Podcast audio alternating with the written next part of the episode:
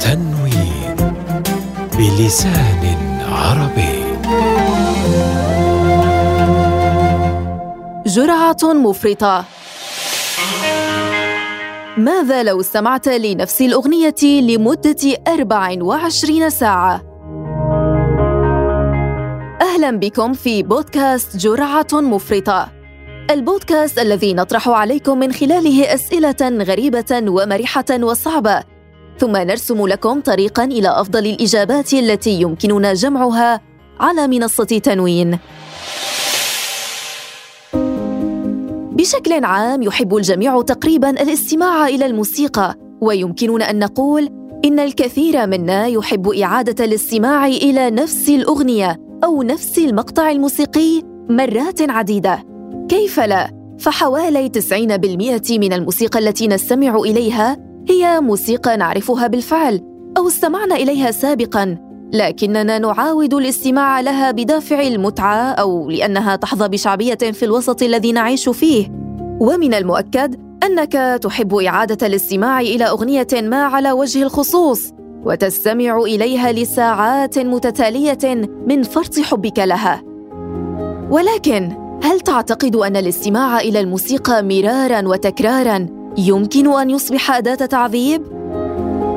ماذا سيحدث بالضبط إذا دفعنا بشخص ما إلى تجربة الاستماع إلى نفس الأغنية مرارا وتكرارا لعدة دقائق أو عدة ساعات أو لنقل حتى ليوم كامل؟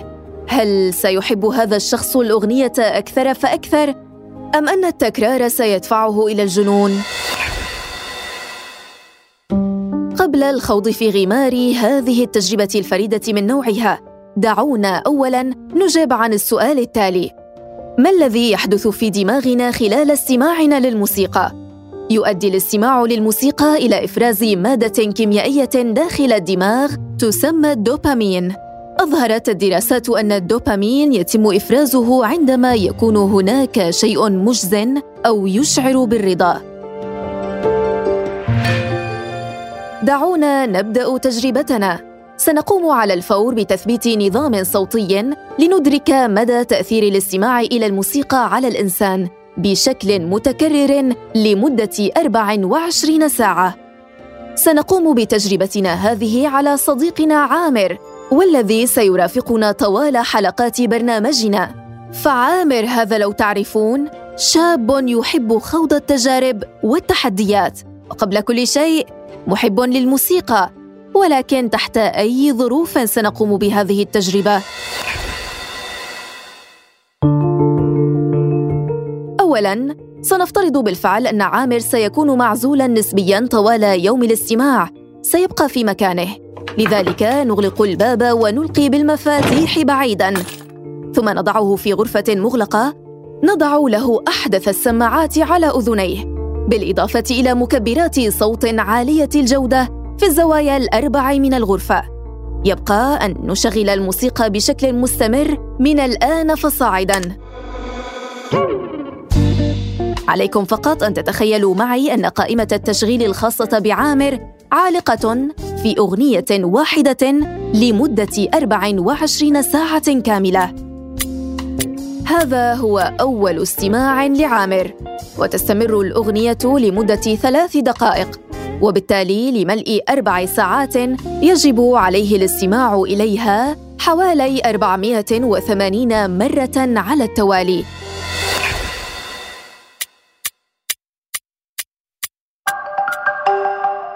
مع الاستماع الأول وفي بداية الأغنية يشعر عامر أولاً بإحساس بالمتعة لأن الاستماع إلى الموسيقى يحدث تفاعلات كيميائية معينة في الجسم والدماغ.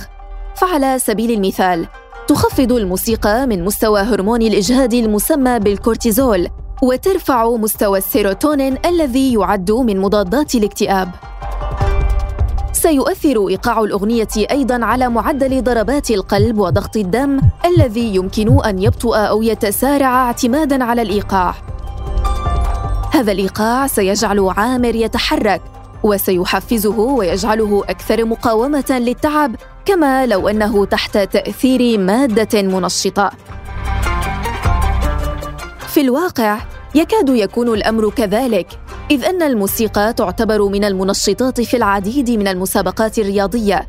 إن الطاقة التي تمنحنا إياها الموسيقى ليست هي النقطة الوحيدة المشتركة مع بعض المواد المخدرة. في الواقع لقد ثبت أن الاستماع إلى الموسيقى يحفز نظام المكافأة في الدماغ والذي ينشر هرمون الراحة في الجسم وهو الدوبامين. عادة يتم إفراز هذا الهرمون لتشجيعنا على تلبية احتياجاتنا الأساسية مثل الطعام وهي طريقة لمكافأتنا وإعلامنا أن ما فعلناه للتو هو أمر حيوي لبقائنا على قيد الحياة ووفقا لبعض علماء الأعصاب تجعلنا الموسيقى نشعر بالقشعريرة ويبقى الدماغ في حالة من الانتظار والتوقع. توقع الجزء المفضل من الأغنية وعندما نستمع إلى هذا الجزء يطلق دماغنا الإندورفين. والإندورفين هي مادة كيميائية يتم إنتاجها في مناطق عميقة من الدماغ وتعمل على تعزيز الشعور بالسعادة.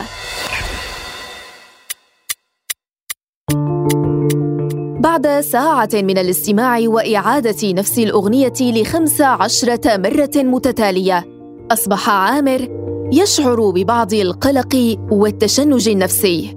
في دماغه أصبحت الأغنية شكلاً من أشكال الإدمان فهو يعرف الآن الأغنية عن ظهر قلب بكل تفاصيلها الدقيقة تقريباً وحتى إذا توقفت الموسيقى فسيستمر الغناء في رأسه دون وعي. سيكون كافيا بالنسبة لدماغه أن يسمع النوتة الأولى فقط ليبدأ فجأة بغناء الأغنية وهنا يبدأ عقل عامر في عدم التمييز بين الحقيقة والخيال. بعد أربع ساعات سوف يدخل عقل عامر في حالة عدم توازن هرموني ويدخله في حالة من التشنج العصبي التي قد تؤدي إلى فقدانه لقدرته على الحركة. وحتى الإغماء. كيف لا؟ ونحن نعلم أن الموسيقى قد تم استعمالها في العديد من الأحيان كوسيلة للتعذيب. تم استخدام الموسيقى كأداة للحرب النفسية إذ يستخدم مصطلح التعذيب بالموسيقى أحياناً لوصف هذه الممارسة. وقد جرى استخدام الموسيقى والصوت عموماً كجزء من مزيج من أساليب الاستجواب التي تعترف بها الهيئات الدولية اليوم على أنها ترقى إلى مستوى التعذيب إذ يؤدي الاستماع إلى نفس المقطع الموسيقي مرارا وتكرارا إلى مهاجمة جميع الحواس دون ترك أي أثر مرئي. من المهم أن نذكر هنا أن هذه الأداة شكلت أساس التعذيب الذي نوقش على نطاق واسع في غوانتنامو وأبو غريب ومع ذلك فقد تم ابتكارها في وقت مبكر جدا في الخمسينيات وأوائل الستينيات من القرن الماضي كطريقة لمواجهة ما يسمى بغسيل الأدمغة السوفيتي. طرق التعذيب بالضوضاء أو التعذيب بالصوت والتي تشمل العزف المستمر للموسيقى أو الضجيج تم إقرانها بالحرمان الحسي والحرمان من النوم والحرمان من الطعام والشراب وأوضاع الإجهاد. حسب منظمة العفو الدولية تم استخدام هذه الأساليب من التعذيب في العديد من البلدان نذكر منها العراق واليونان. فقد أفاد المحتجزون في العديد من السجون العراقية بتعرضهم بشكل روتيني لمعاملة قاسية أو لا إنسانية أو مهينة أثناء الاعتقال والاحتجاز. وقد أخبر الكثيرون منظمة العفو الدولية أنهم تعرضوا للتعذيب وسوء المعاملة على أيدي القوات الأمريكية والبريطانية أثناء الاستجواب. وغالبا ما تشمل الأساليب المبلغ عنها الحرمان من النوم لفترات طويلة والضرب والتعرض لموسيقى صاخبة مع تغطية الرأس لفترات طويلة والتعرض لأضواء ساطعة.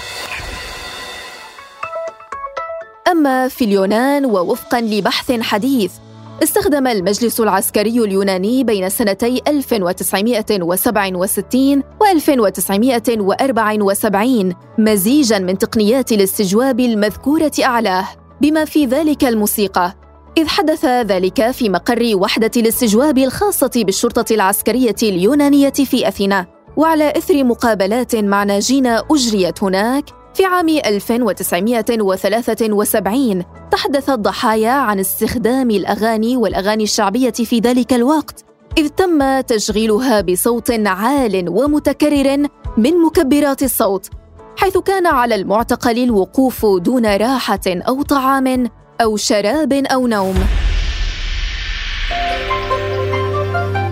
في التاسع من ديسمبر عام 2008 ذكرت وكالة أسوشييتد بريس أن العديد من الموسيقيين كانوا ينسقون اعتراضاتهم على استخدام موسيقاهم كأسلوب لتعذيب الأسرى من خلال مبادرة تسمى صفر ديسيبل أو Zero dB وهي مبادرة ضد التعذيب بالموسيقى أنشأتها جمعية قانونية تسمى Reprieve والتي تمثل أكثر من ثلاثين سجينا في خليج غوانتنامو تهدف Zero dB إلى وقف موسيقى التعذيب من خلال تشجيع الإدانة الواسعة النطاق لهذه الممارسة ودعوة الحكومات والأمم المتحدة لدعم وإنفاذ اتفاقية مناهضة التعذيب والمعاهدات الأخرى ذات الصلة. هذه المبادرة مدعومة من اتحاد الموسيقيين الذي يدعو الموسيقيين البريطانيين للتعبير عن غضبهم من استخدام الموسيقى للتعذيب. شكرا لاستماعكم لحلقتنا هذه من بودكاست جرعة مفرطة وانضمامكم إلينا على منصة تنوين.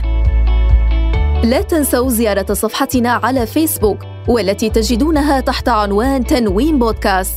كما يمكنكم متابعة أحدث حلقاتنا في Apple Podcast، Google Podcast، SoundCloud و Spotify. نشكركم على الاستماع إلى بودكاست جرعة مفرطة وترقبونا في الحلقة القادمة.